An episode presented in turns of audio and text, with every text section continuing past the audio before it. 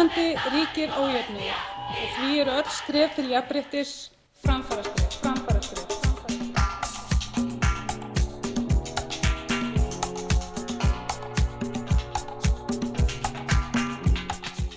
Þann 27. mars árið 2015 byrtist mynd af berbrjósta konu á Twitter og vakti heilmikla aðtikli og usla í netheimum. Ekki bara vegna þess að þetta var mynd af brjóstum á samfélagsmiðlum, heldur vegna millumerkisins, Free the Nipple eða Frelsum gerfurtuna. Adda Þóriðardóttir Smáradóttir setti myndina inn á miðilinn til að mótmæla stafrænu kynferðisóbildi. Mörg hundruð íslenskara kvenna tóku þátt í frelsuninni og byrtu myndir á samfélagsmiðlum, fóru berbrjósta í mótbælagöngur, í sund og sögðu skilið við brjóstarhaldaran. Byltingin var gerði í þeim tilgangi að hrinda á stað breytingum, koma því til skila að líkamar kvenna ættu að hafa sömu réttindi og líkamar karla. Ef karlar fá að vera berir og ofan án þess að verða kynferðislegt viðfang, ættu konur að njóta þess sama. Einnig vildu konurnar taka völdin í sínar hendur og byrta myndir af sínum eigin brjóstum og þar með slá vopnin úr höndum gerenda í stafræns kynferðisóbildis. Millimerkið Free the Nipple hristi upp í samfélagsmiðlum og var á allra vörum. Konur voru langþreyttar á hlutgerfingu þeirra í fjölmiðlum og popmenningu. Áreitni, kynferðisóbildi og nöðganir voru dæmdar léttvægar innan réttarkerfisins. Samfélagsmiðla herrferð þar sem konur ofinberiðu með forsýðumynd hvort þær þekktu einhvern eða hafðu orðið sjálfar fyrir kynferðisóbildi var hrind af stað og tilgangur hennar var að sína fram á hversu viðfendt vandamál kynferðisóbildi er. Druslugangan hefur verið gengin ár hvert síðan 2011 með það markmiði að skila skömminni til geranda.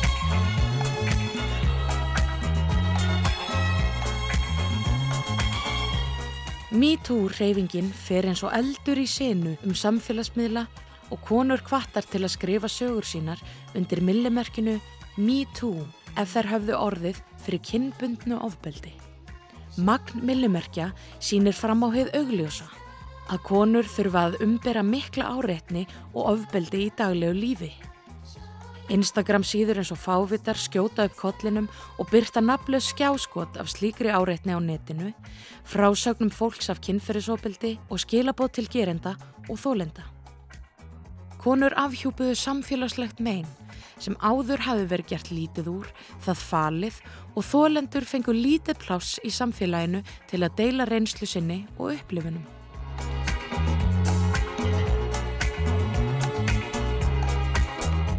Gerendur fengu hins vegar oftast að njóta vafans.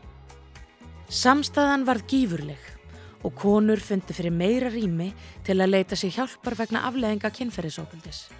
Leita réttar síns innan kerfisins og fundi til valdeflingar og aukins vilja til að standa með sjálfum sér og öðrum í þeirri viðleitni að knýja fram breytingar á meðferð þessara mála.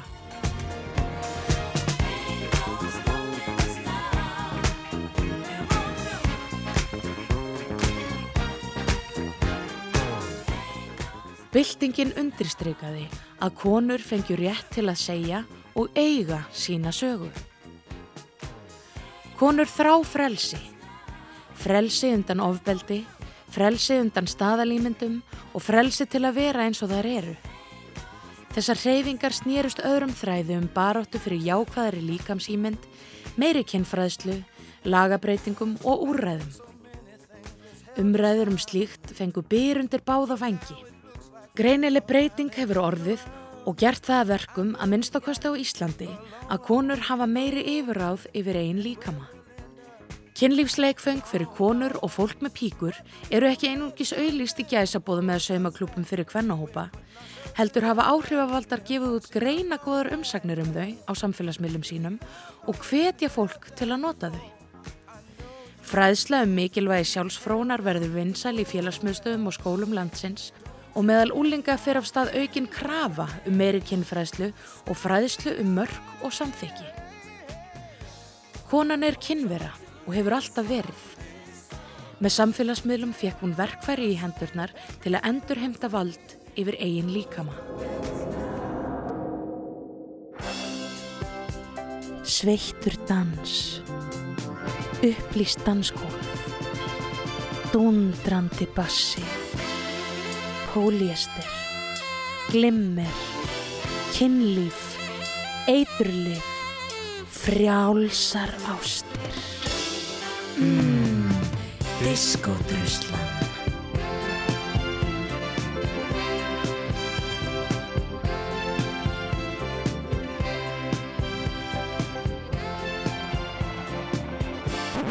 Stanslaus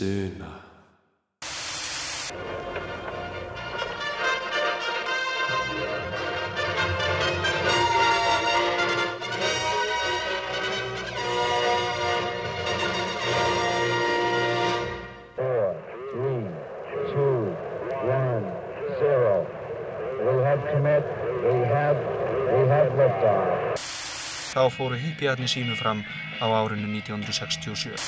Einn fjölmennasta borg veraldar, New York, riðaði á barmi Gjaldtrótt. vegna frjálslindis í kynferðismálum og neyslu marihuana og LSD. Nú hefur fólk víða um heim ekki barist fyrir réttindun sínum heldur fremur tilveru sinni.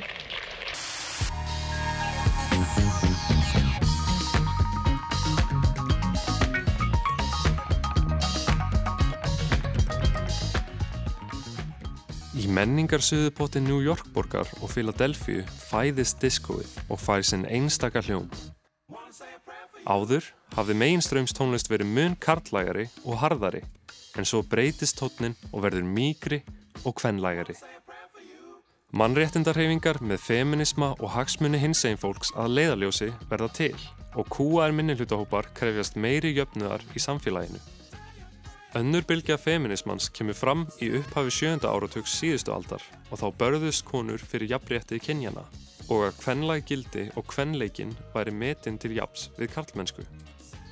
Ólíkt fyrstu bylginu sem snerist um jafnrétti í borgarlegum réttindum eins og kostningarétt og kjörgengi vildu feministar annara bylgjunar að konur yrðu metna til jafns við karla í víðari skilningi.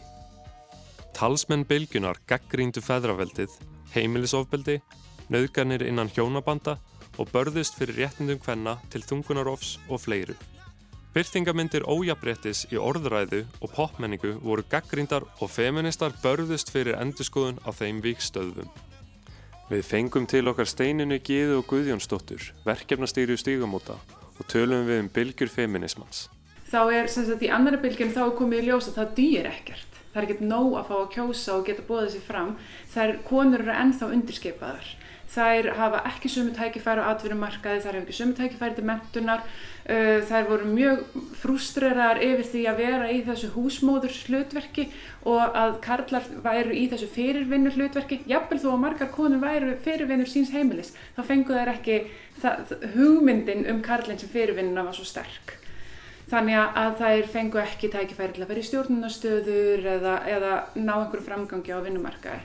Þannig ég held að, að það hafi kannski verið svona kveikjan í, í annari bylgjunni og, og konur fara að skipulegja sig. Auðvitað er þetta að gerast á sama tíma og það er uh, sterk réttinda bara svart, svartsfólks í bandaríkjónum. Uh, það er Stonewall gerist uh, í hins eginn baráttunni. Hipparnir með sínar frjálsu ástir og, og bara með endurskiplegningu bara hérna samfélagsgerðarinnar. Þannig að það er rosalega mikil gerjun og konur auðvitað er að taka þátt í þessu og e- vilja nýjar hugmyndur um sig og sitt hlutverki í þessu samfélagi. and they were each assigned very Þættir eins og Bionic Woman og Charlie's Angels litu dagsins ljós. and now they work for me. My name is Charlie.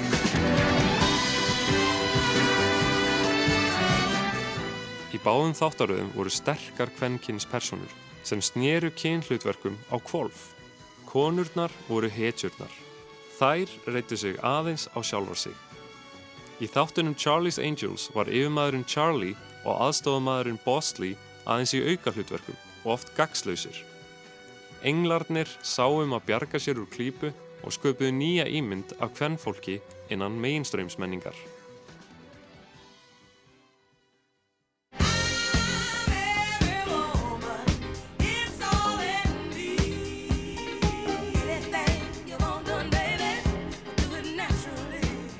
Samtök eins og Now National Organization for Women voru stopnuð og mótmælti viðbyrðum sem þau mátu sexist eða fela í sér kynfordóma. Feminíska tímaritið Miss Magazine kom fyrst út árið 1971 og í því voru greinar um kynjun ennskra tungu og þungunaróf. Shirley Anita Chisholm var fyrsta svarta konan til að vera kosin á þing í bandaríkunum. Jafnréttisbaratan var háð á öllum víkstöðum og þar var diskóið ekki undanskilið. Diskóið var virkilega merkileg tónlistastefna meðal annars vegna þess hver fjölmarkar konur nuti sín innan hennar. Listamenn eins og Evelyn Champagne King,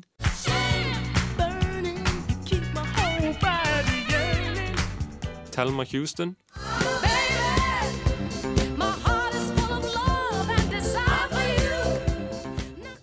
Anita Ward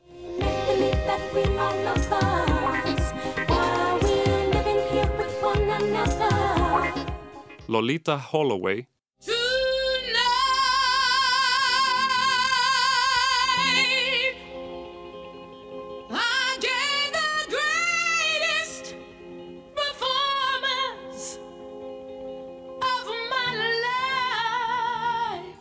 Claudia Barry.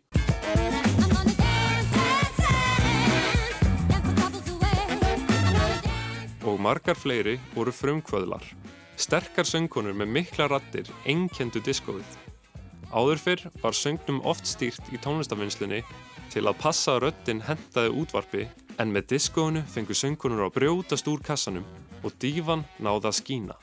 Hún þurfti ekki lengur að halda aftur á sér. Hún var aðal atriðið.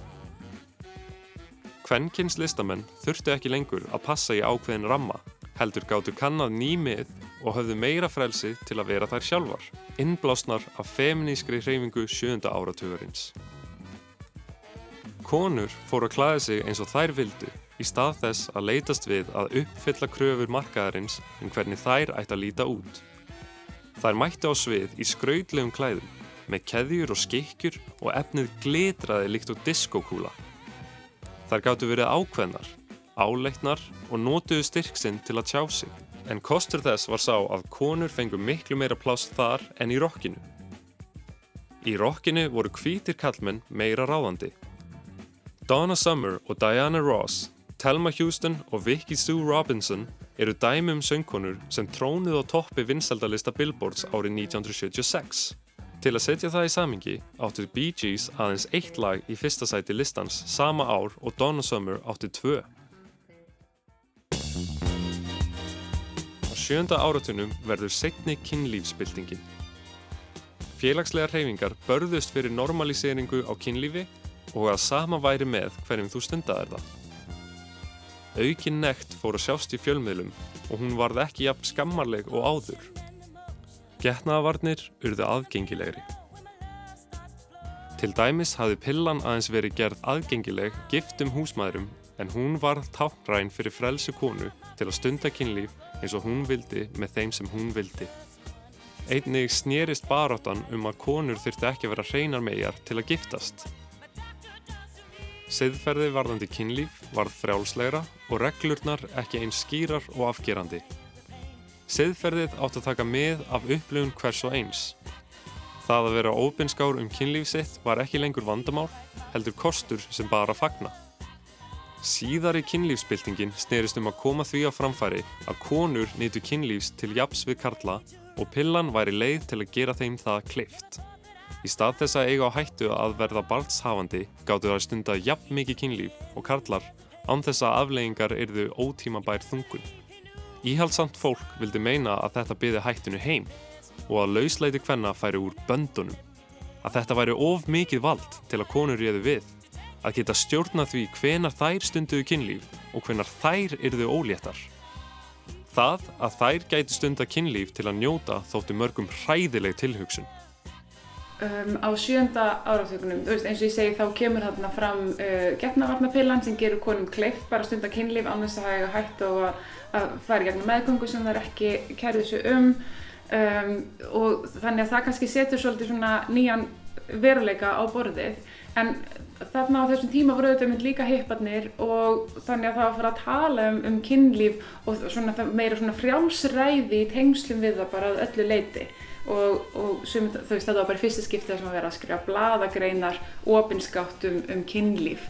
Um, en það voru samt ennþá rosalega sterkar hugmyndur um það að konur sem stundu kynlíf utan hjónabands verið druslur og ég minn og við erum bara ennþá í þeim veruleika í dag að, að konur sem hafa áhuga á kynlíf og tala opinskátt um kynlíf og þær fá mjög gerðnan druslustimpil uh, allavega er það miklu algengar að þær fái þann stimpil heldur en karlar sem að tjá sig á, á svipaðan hátt. Þannig að það hefur kannski ekkert endilega svo mikið breyst. Uh, við erum ennþá svolítið hérna, í þessum hugmyndum um það að, að, að konur eh, eigi einhvern megin að vera siðprúðar. Í diskónu voru konur í fyrsta skipti í tónlistasögnu afdráttarlausar í kynferðislegri tjáningu sinni. Kvenleg nöytt var í fórgrunni. Í mainströms fjölmiðlum var umfjöllun um hvernig ætti að veita konum fullnægingar, að konur geti fengið fullnægingu og að konur ætti að veita sjálfum sér fullnægingu. Kinnlífsleikfung urðu vinsæl og viðurkendara að nota þau. Á þessum tíma mætti segja að ákveðið fræðslu átag eða bylgja upplýsinga um kynlíf hafi skólast yfir bandaríkin.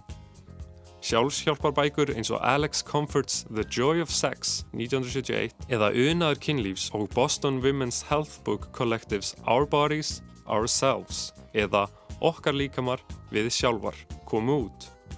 Fólk vildi fræðast um kynlíf og tala um það.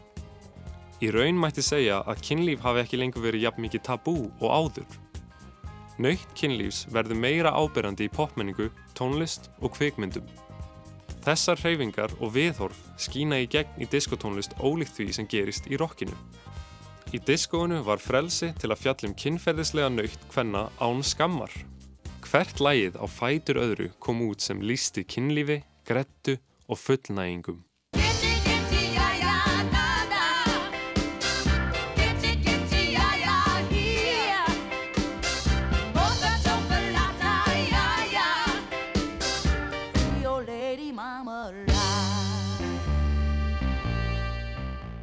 Hljómsveitin La Belle var fyrsta afrísk-ameríska hljómsveitin til að koma fram í Metropolitan Óperuhúsinu í New York og þær voru fyrstar til að príða forsíðu tónlistatímaritsins Rolling Stone.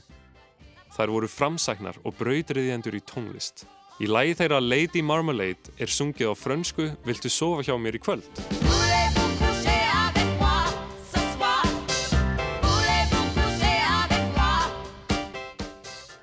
Lægið Going Down Makes Me Shiver með La Belle er mjög kynferðislegt, bæði í textanótkun og takti.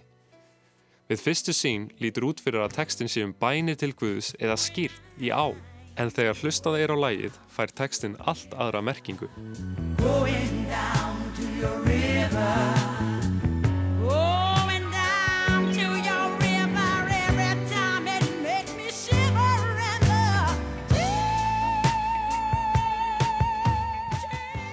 Þegar viðbætist tilfinningin í söngnum og uppbyggingu lagsins er jafnvel hægt að tólka sem svo að hún sé að syngja um munnmögg, nöytt þess að stunda þau og á lokum fá hún fullnægingu.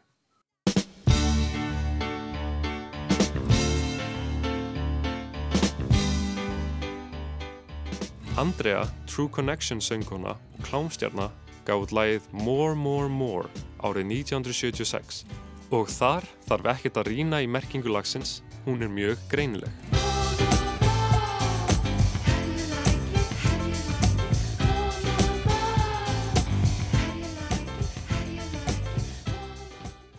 Söngkonan Diana Ross er góðsagnakend í augum margra. Það er ekki erfitt að skilja af hverju því hún náði aftur og aftur að halda sér á topplistum bandaríkjana í gegnum sjönda, áttunda og nýjunda áratugin. Hvort sem hún söng með The Supremes lög eins og Stop in the Name of Love, You Can't Hurry Love og Love Child eða sem sólarlistamæðurinn Diana Ross í duet, tríói eða í samsettum hópi með öðrum listamönnum náðu hún alltaf að syngja sinn í hjörtu landa sinna. Hún hefur fengið feiknamörg verðlun á ferlinum, meðal annars The Presidential Medal of Freedom og hlotið ingöngu í Rock and Roll Hall of Fame. Það sem einkennir hana er hvernig viðhorf listakonunar Diana Ross hefur breyst millir áratuga. Þegar hún söng með The Supremes var hún sterk kona, ekki hrætt við að tjá tilfinningar sínar. Í læginu Love Child tekur hún á sig gerfi konu sem er undir þrýstingi frá manninum sínum um að stunda kynlíf.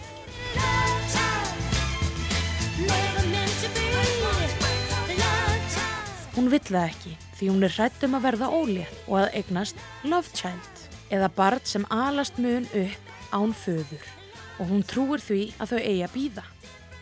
Hún sannfærir hann með því að láta hann vita að hún elski hann og lýsir aðstæðum sínum þegar hún var yngri því hún sjálf var föðurlaus í æsku. Síðan kemur áttundi áratugurinn og í mæ 1970 hafði ábreyða hennar af læginu Ain't No Mountain High komist inn á vinsaldalista. Lægið fjallar um fólk sem tjáir ást sína á hvort öðru. Hér sínir Diana Ross að sterka hlið á sjálfur sér þar sem hún sækist eftir karlmanni af sömu ástriðu og karlmaður sækist eftir henni.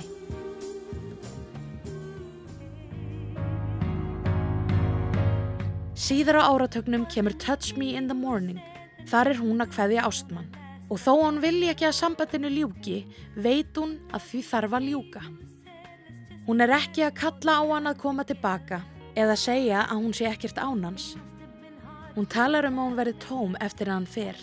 En tilfinningin er ekki svo að því ráði þörf heldur sorg.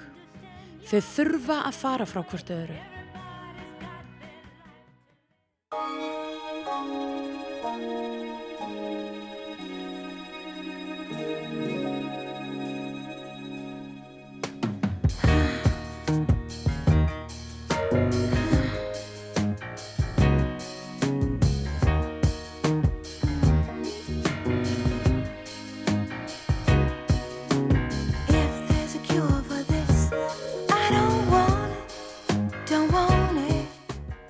Love Hangover kemur út árið 1976 og nýtur gífurleira vinsælda.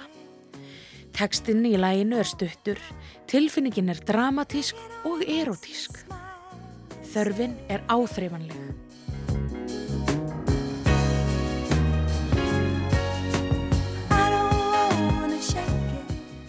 Hér tjáir Diana Ross ástúð á manni eftir að hafa hitt á hann og líklega notið ásta. Hún er með ástarþingu eða love hangover og nýtur hennar.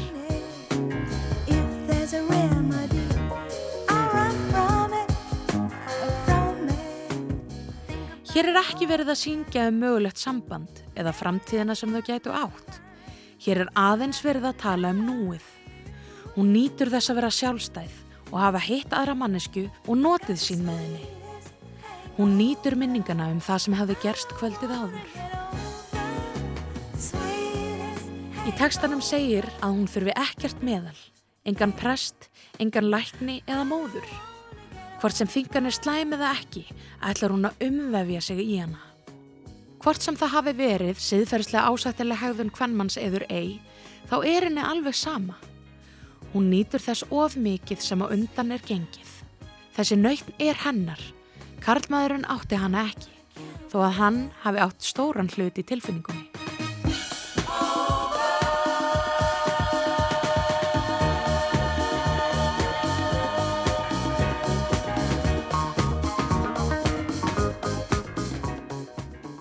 Karlar sungu einnig um nöytn hvenna. Karlmennskan varð annars konar. Gagkinnheðir karlmenn höfðu leifi til að vera kvenleiri, mýgri og jafnvel feministar. Stereotýpa samkynleira karlmanna breytist líka. Þeir þurftu ekki að vera kvenleir, heldur gáttu þeir verið alveg jafn karlmannleir og hinnir gagkinnheðu. Sem dæmi mann öfna er myndband George McRae við lagið Rock Your Baby. Þar syngur hann blíðlega til áhárandans teksta þar sem hann byðlar til konunnar að halda utanum hann og njóta blíðleira ástamöðunum. Í myndbandi lagsins dansar hann mjúklega og er klættur þröngum samfestingi með hvítum hnöppum. Hann höfðar ekki til þess sem þykir karlmannlegt, jafnvel í dag, en það skipti litlu máli og lagið hans varð eitt af vinsalustu lögunum árið 1974.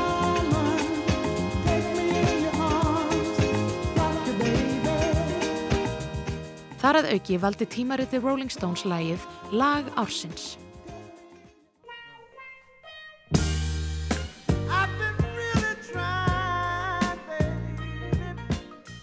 Marvin Gaye gaf til dæmis út lagið Let's Get It On árið 1973 og saði hann Ég get ekki séð neitt aðtúavert við kynlíf millir tveggja samþykra einstaklinga. Ég held að við gerum allt og mikið úr því. Þegar öll er á botnin kvöld eru kynfæri manns aðeins einn mikilvægur hluti af hennum stórkostlega mannslíkama. Ég fullir því að kynlíf er kynlíf og ást er ást. Þegar þau eru saminuð vinna þau vel saman, ef báðar manneskjur vilja það. En ást og kynlíf eru í raun tvær stakar þarfir og ætti að meðhandla þær sem slíkar. Ég trú ekki á heimsbyggi með óhóflegum siðferðisreglum. Stundaðu þitt kynlíf. Það getur verið spennandi ef þú ert heppin. Ég vona að tónlistin sem ég samti geri þið heppin.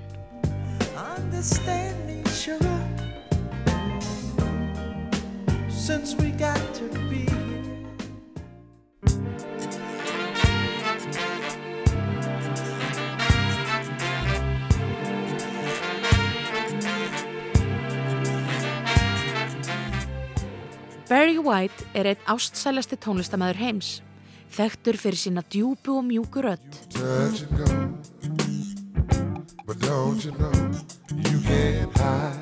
Fættur áriði 1944. Á úlingsárum var hann handtekinn og þurfti að sæta fangilsisvist. Þá aðeins 16 ára. Eftir að hann kom út úr fangelsi ákvað hann að skilja við glæpi og fara að semja og útsetja lög fyrir ímsa listamenn sem hann gerði fram að lokum sjönda áratugurins. Í byrjun áttunda áratugurins uppgötaði hann hins vegar tríó skipað söngkonum sem kölluðu sig Love Unlimited.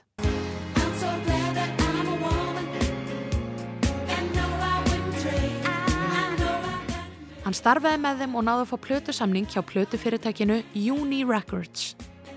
Út kom fyrsta platan From a Girl's Point of View We Give to You Love Unlimited.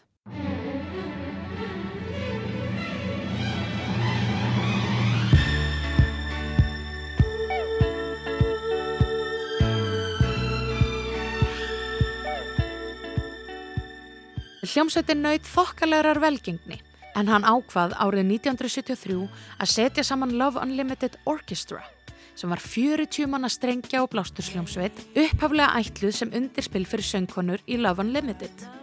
Hljómsveitin gaf út plötuna Rhapsody in White með læginu Love's Theme sem skýst upp á topplista Billboards.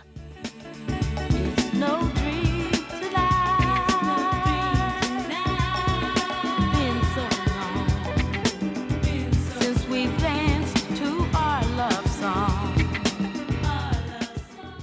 Barry White nýtti þetta tækifæri til að hefja sinn sólóferil eftir að samstarfsfélagi hans sannfarði hann um að hann væri með röddina til þess.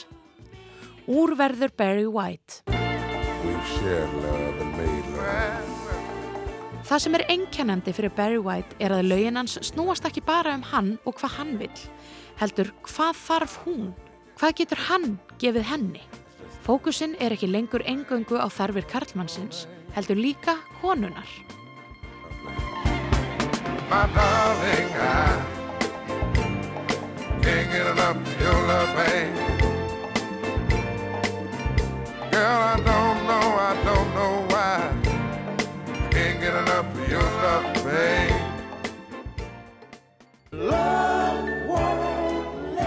Í læginu Love Won't Let Me Wait með Major Harris er kynlíf nánast áþreifanlegt.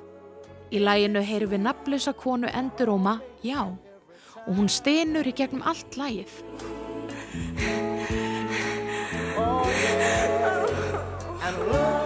Stunurnar ná nokkrum hápuntum, fyrst á fjörðu mínútu og 16. sekundu, svo á fjörðu mínútu og 37. sekundu, svo aftur á 50 mínútu og að lokum þegar lægið fjarar út á 50 mínútu og 2050 sekundu.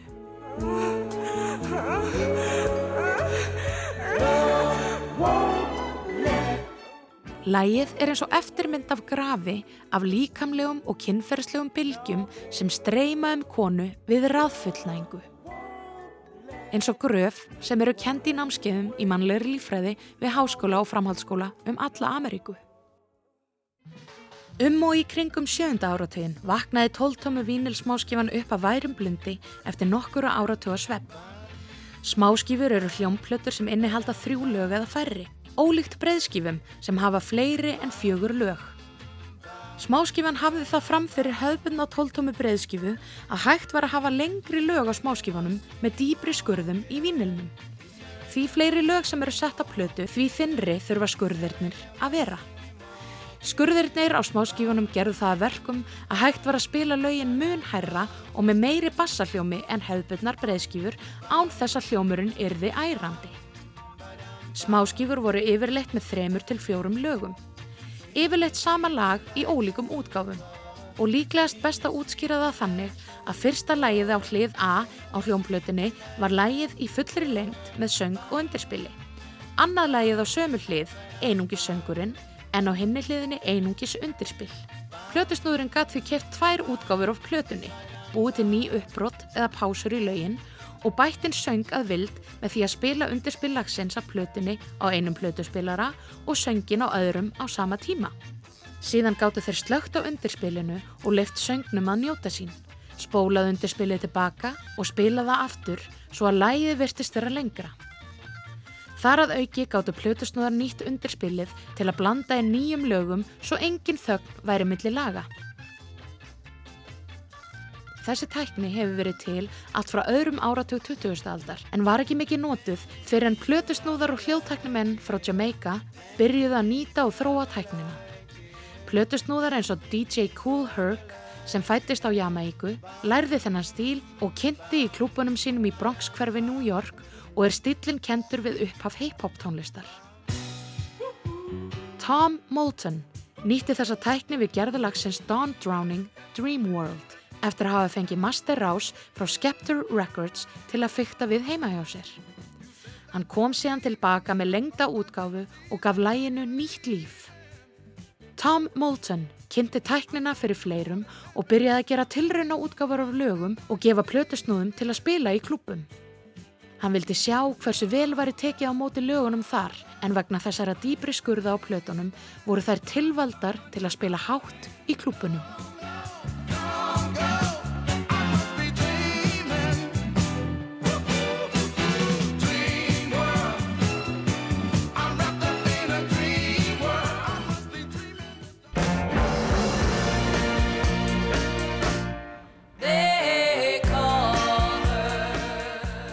Söngkonan Donna Summer og pródusentinn Giorgio Moroder nýttu þessa tækni í læginu Love to Love You Baby. Donna Summer bjó í Þýskalandi og hafði þó nokkun tíma gefið út tónlist í Evrópu.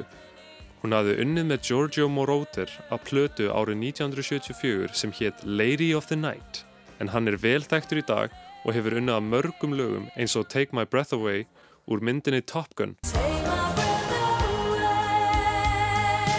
Kenny Loggins Danger Zone.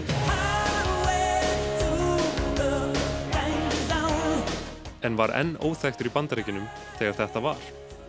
Vinsældir Donnu einskorðuðust nefnilega við Evrópu á þessum árum, en það átti eftir að breytast um leið og lægið kom út. Fyrsta lag Donnu Summer sem komst inn á vinsældarlista bandaríkjana og náði miklum vinsældum var nefnilega lægið Love to Love You Baby. Donna samdi lægi í samstarfi við Giorgio Moroder og Pete Bellotti. Hún fekk hugmyndina af viðlæginu og söng línuna fyrir Giorgio. Hún ætlaði sér ekki uppaflega að syngja lægið, en Giorgio náði að sannfæra hana. Úr varð sprengja, sem af mörgum er talin hafa verið einn af fyrstu slögurum diskósins. Lægið er 16 mínútur og 49 sekundur í heild, en uppaflega útgáðan átt að vera mun stittri. Forseti plötufyrirtækisins Casablanca í bandaríkjunum fekk senda kassetu með pröfu af því og spila hana í samkvæmi þar sem hann var stattur. Hann ringdi í Giorgio Moroder úr bóðinu og sagði honum að fólk hafi störtlast yfir læginu og vildi hlusta endurtekið aftur og aftur á það. Giorgio ákvað þess vegna að lengja það og að nýta alla aðlið smáskífunar. Þar með varð lægið nær 17 mínútur. Tekstinn í læginu er sára einfaldur og skýr. Hann fjallar um Donnu sem er að njóta ásta með annari mannesku og inn á milli heyra stunur frá henni. Hún nýtur sín fullkomlega og það er ekki verið að flýta neinu í kynlífinu. Tekstinn er í sjálfu sér ekkert sjálflega ágengur. Donna syngur um hvernig henn líður með þessari mannesku, hvaða tilfinningar spretta upp og hversu mikið hún elskar að elska viðkomandi. Hún segir að hún vilji að hann geri það aftur og aftur við sig og að þegar hann setur höfuð sitt hjá henni að þá verður hún frjáls en það gefur í skinn hvað er að gerast fremur en að segja það skýrt. Við fyrstu hlustun hefur lagið kynþokkafullan undirtón og auðvelt að gera sig grein fyrir hvert allt stefnir eða kynlíf millir karls og konu. En þegar litið er á textan sést að hann fjallar um þau bæði en aðalega hvað hann gerir við hana, hvað hún er að fá úr því og hvað hún vill að gerist næst. Hún segir honum hvað hún vill eða eins og segir í textanum legðu höfuð þitt mjög nálagt mér, sefaðu huga minn, frelsaðu mig, frelsaðu aaa. Hér gæti verið um að ræða einfalda trúbóðastellingu en ef við sjáum fyrir okkur stellingu þeirra eins og hún lýsir því verist vera að hann sé frekar að fróa henni eða átt við munnmög í stað þess að einfallega stunda samfærir með tippi í píku. Í stað einhvers magnaðs riðis eða uppbróts í læginu er það frekar einfalt eða þar til betur er að gáð. Undurspilið og söngur Donnu er ljúfur og kynþokkafullur. Það snýst ekki um að býða eftir hápunti eða taktbreytingu þar sem lægið breytist í æstari útgáfu. Allt lægið er nautnin og kynlíf átt að vera eins. Það snýst ekki um að fá fullnægingu.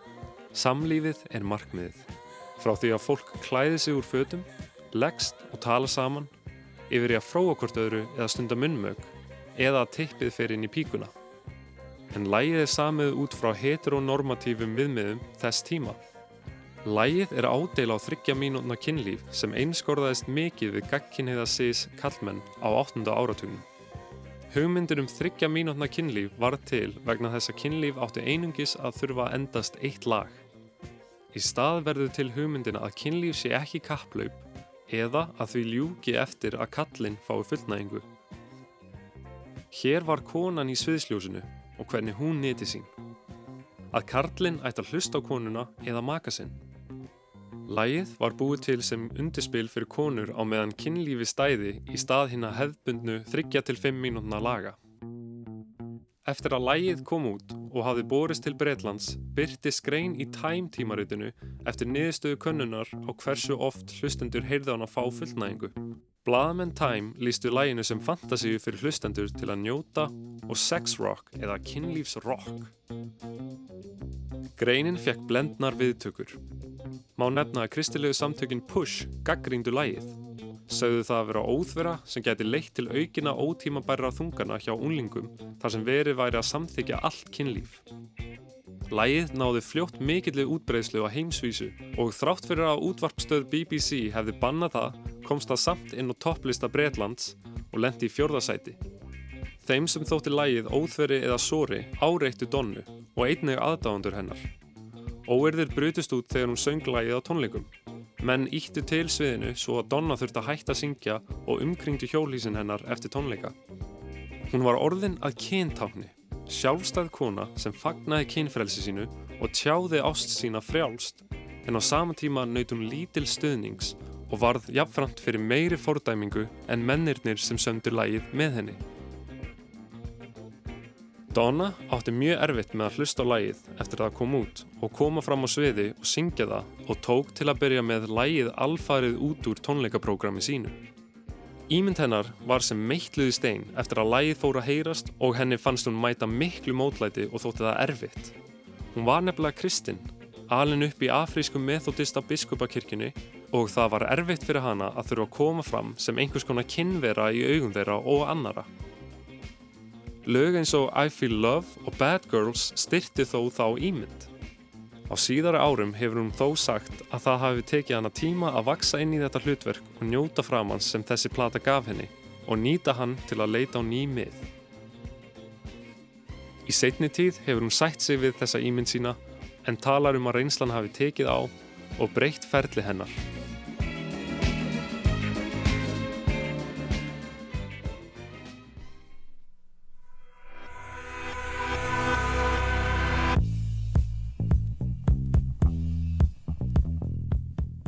Önnur bylgja feminismans rís á sama tíma og mótmæli gegn stríðsrekstrinum í Vietnam og því voru margir þegar á móti ríkistofnuninni og valdhöfum. Það auðveldaði byltingunni að fá fylgi. Þó svo að samskona byltingar hafi átt sér stað fyrr var fókusin allt annar að þessu sinni. Hann var loksis á konuna en ekki kallin.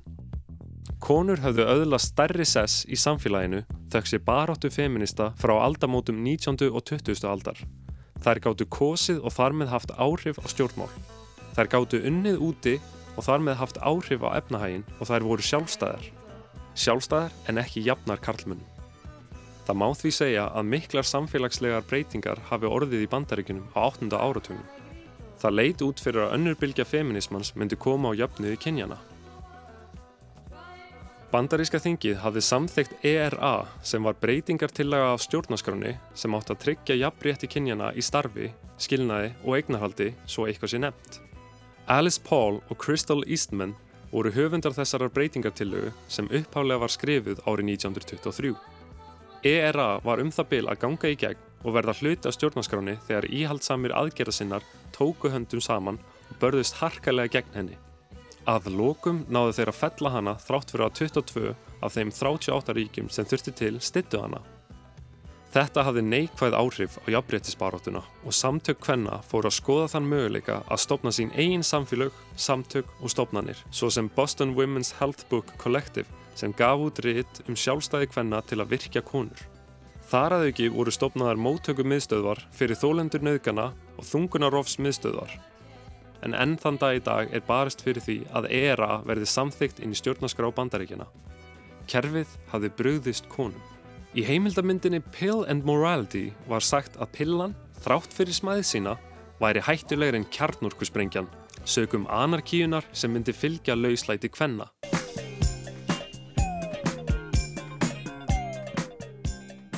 Karlar voru enn valdhafar í tónlistaframleyslu. Á sama tíma á konur trónuð á toppi vinsaldalista og seldu ógrinni af plötum þá höfðu þær litla sem enga stjórn á framleyslunni. Tónlistar yðnaðurinn var reygin af kallmönnum og því höfðu þær oft lítið val um hvað þær ættu að syngja og hvenar og höfðu ekki vald yfir sínum eigin lögum. Anita Ward var til dæmis ekki gefið neitt val þegar framleiðandi hennar Frederick Knight syngdi henni draugin að Ring My Bell sem kom út árið 1979. Hann vildi græða á diskoæðinu sem reyði yfir en hún var lítið hrifin af læginu. Framleiðandin krafðist þess að hún myndi syngja það svo hún var tilneitt að gefa eftir.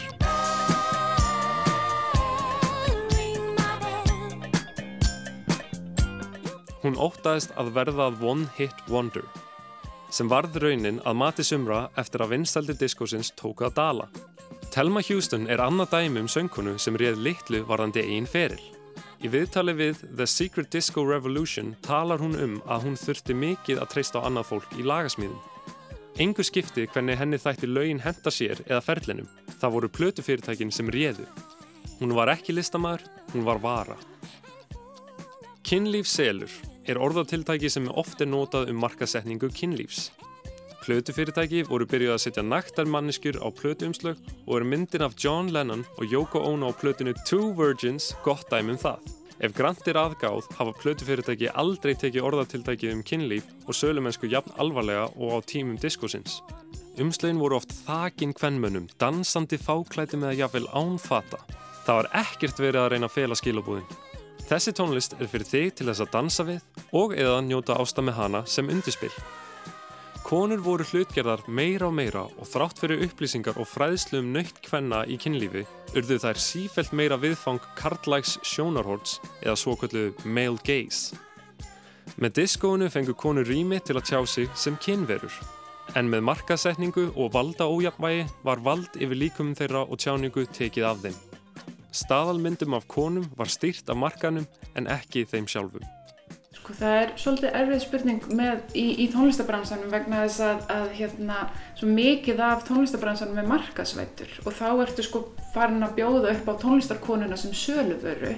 Uh, sko hvar liggur línan með þess að vera sko kona sem er að tjá sig og sína, sína kynverund og sína uh, hugmyndur um kynlíf og sig sem kynveru uh, versus það að það er farið að selja hana sem, sem pakka af einhverju sexy. Þú veist, hún er þessi hérna kynbomba.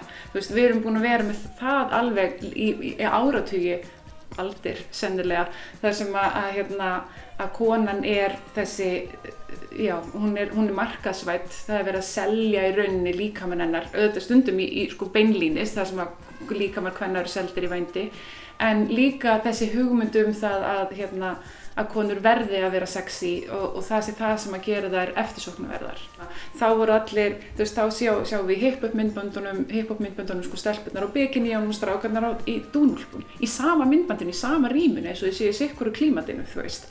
Og hérna, þú veist, að því að strákarnir komast upp með það að vera fræjur og vinsalir án þess að vera gerðir að þessum kynferðslu við, viðfengum, að meðan stelpunar þurfa einhvern veginn að setja sig í þetta að, að, að gera sig að kynferðslega viðfangi og ég meina Britney Spears sagði bara I'm a slave for you. Þú veist, beinlínis, þetta er bara þetta er orðað beint út. Um, ég er kynferðslega leikvang fyrir þig. Um, þannig að það hefur mér alltaf þótt mjög ósangjart krafa á konur í tónlist og bara og sem endur speklar í rauninni bara þetta gildismat feðraveldisins og hérna um undirskipun kvenna og að þær sé einhvern megin uh, ymmið, það hvernig, hvernig samfélagið okkur horfir á konur frá sjónarhortni Karla. Um, ég held að þetta hafi áhrif á okkur öll. Ég menna popmenningin og klámvæðing popmenningarinnar hefur auðvitað áhrif á okkur. Um, við, þó að við lítum ekki endilega svo á einhverja popsjörnu sem beinlýns fyrirmyndirnar okkar, þá auðvitað erum við undir áhrifum af því sem að, að við sjáum í popmenningunni og hérna þannig að aðlega hefur þetta áhrif á það hvernig stelpur líta á sig sjálfar. Ef að uh, samfélagið okkar, menningin allt sem við sjáum kringum okkur alltaf, það er, það er alltaf horta út frá sjónarhórni kallsins þá fyrir við líka að horfa okkur sjálfar út frá sjónarhórni, kallsins uh, og, og reynum að lifa upp í þann veruleika. Eitt þeirra hugtaka sem valdið hefur manninum hvað mestum heilabrótum er fegurð Heimspekingar hafa velt fyrir sér skinnjun manna á fyrirbærinu og hvort hún sé hlutlæg eða huglæg. Fegurðin hefur allt frá tímum grísku heimspekingana verið tengd listum og rögrætt um hvort hún sé aðsta markmið og tilgangur listar eða hvort listrænt gildi geti verið óháð fegurð. Í raun fyrir finnst hún allstæðar í samfélaginu, í tónlist, myndlist, veðurfari, náttúru, samskiptum manna á milli og svo mætti lengi telja. Fegurð er sá endur hljómur sem hlutur vekur í huga okkar eða sá hljómgrunnu sem hugur okkar finnur í einhverjum hlut. Þessi setning endur ómar skoðanir skoska heimsbyggingsins David Hume en hann segir okkar að fegur sé háð skinnjun hvers og eins en ekki að eðli einhvers hlutar eða eiginleiki sem inniheldur fegurð. Máltækið Beauty is in the eye of the beholder eða hverjum þykir sinn fuggl fagur gefur skýrt til kynna að sá sem horfir er sá sem ákvarðar og leggur mat á fegurð viðfangsins. Valdið liggur hjá áhorfandanum. Viðfangið er valdalust. Viðfangið getur verið hvað sem er, hvort sem það er listaverk, manneska, dýr, náttúru fyrirbæri eða annað. Við staðfestum í huganum einhverja hugmyndum fegurð með áhorfi okkar, sem er í grunninn það sem feministar hafa gaggrínt og hefur verið nefnt meðal annars The Male Gaze eða Hið kartlega sjónarhorn. Í dag virðist við fyrstu sín að líka með konunar fái meira rými til að vera kynæsandi og það sé á hennar eigin forsendum. Alls konar líkamar hvenna príða forsýður tímarita, byrtast í sjónvarpi og í auðlýsingaherferðum. Litaðar konur, asískar konur og latinamerískar konur virðast vera að fá meira rými í popmenningunni. Feitar konur sem áður hafðu verið taldar óheilbreiðar koma fram á sjónarsviðið í allri sinni dýrð og augra skilgareiningum á líkama þeirra.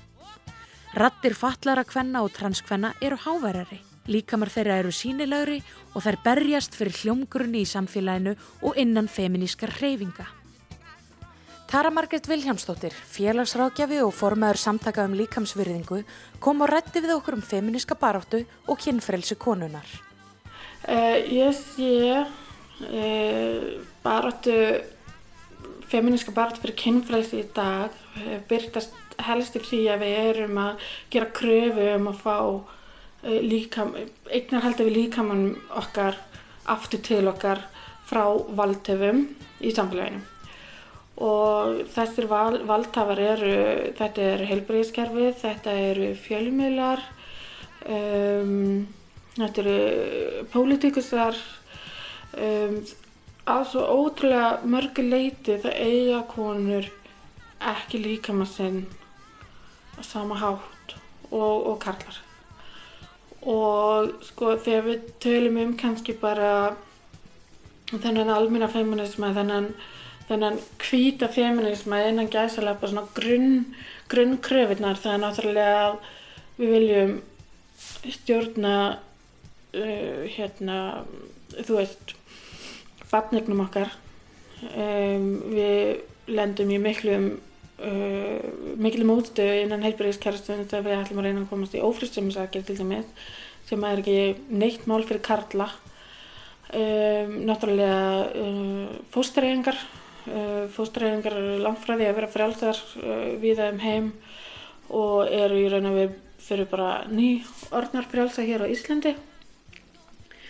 Um, og svo líka bara einhvern veginn sko hversu, hversu mikið megum við sína af líkam okkar. Þú veist það er þessi druslismann.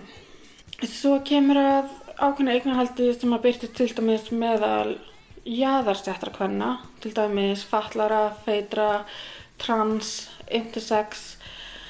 Um, að þar er alveg sérstaklega mikið, mikið eignarhald og það er það eru miklu stífari reglur fyrir þennan hóp heldur en fyrir konur sem eru ófatlaðar, ekki feitar og eru sískenja. Um, það eru miklu meiri hindranir innan heilbreyðiskerfisins, um, miklu meiri kröfur um, og bara svona miklu meiri, meiri fórsirreikja. Diskóið færði okkur dýfur eins og Donna Summer og Diana Ross sem ruttu brautina fyrir Lizzo, Cardi B, Ariana Grande, Miley Cyrus, Billie Eilish og allar þær konur sem í dag verðast tjá sig sem kynverur, óheflað og ófeimið. En tjáning þeirra er síðan markaðsett og þá er eins og það séu dæmdar, settar í flokka og kynfrelsi þeirra heft. Menning feðraveldisins og kapitalismans notar tjáningu þeirra gegn þeim. Hafa konur fullt frelsi til að vera kynverur án þess að vera dæmdar eða eru þeim settar skorður um hvernig þær með að tólka og tjá kynvitund sína? Eru allir líkamar jafn samþyktir sem kynæsandi? Verður fegurð um ókomna tíð nýtt sem markaðstól til að selja vörur, plötur eða viðburði? Hefur konan vald yfir sínum eigin líkama og hvernig honum er miðlað í popmenningunni? Í druslugöngunni, í samfélagsmiðla herrferðum og á síðum blada sést greinilega að enn er vald konunar yfir eigin líkama ekki í hennar höndum. Afhjúpun á alvarleika stafræns og líkamlegs kynferðisofbeldis sýnir fram á að enn er valda ójabægi og enn ríkja skadaleg viðhorf gagvart eignarhaldi á líkama kvenna. Diskóið bóðaði samstöðu, samhegð, frelsi og virðingu. Þegar hort er á samfélagi heilsinni er greinilegt að fullkomnum jöfniði hefur ekki verið náð. Konan sem kynvera er ekki fullkomlega frjáls.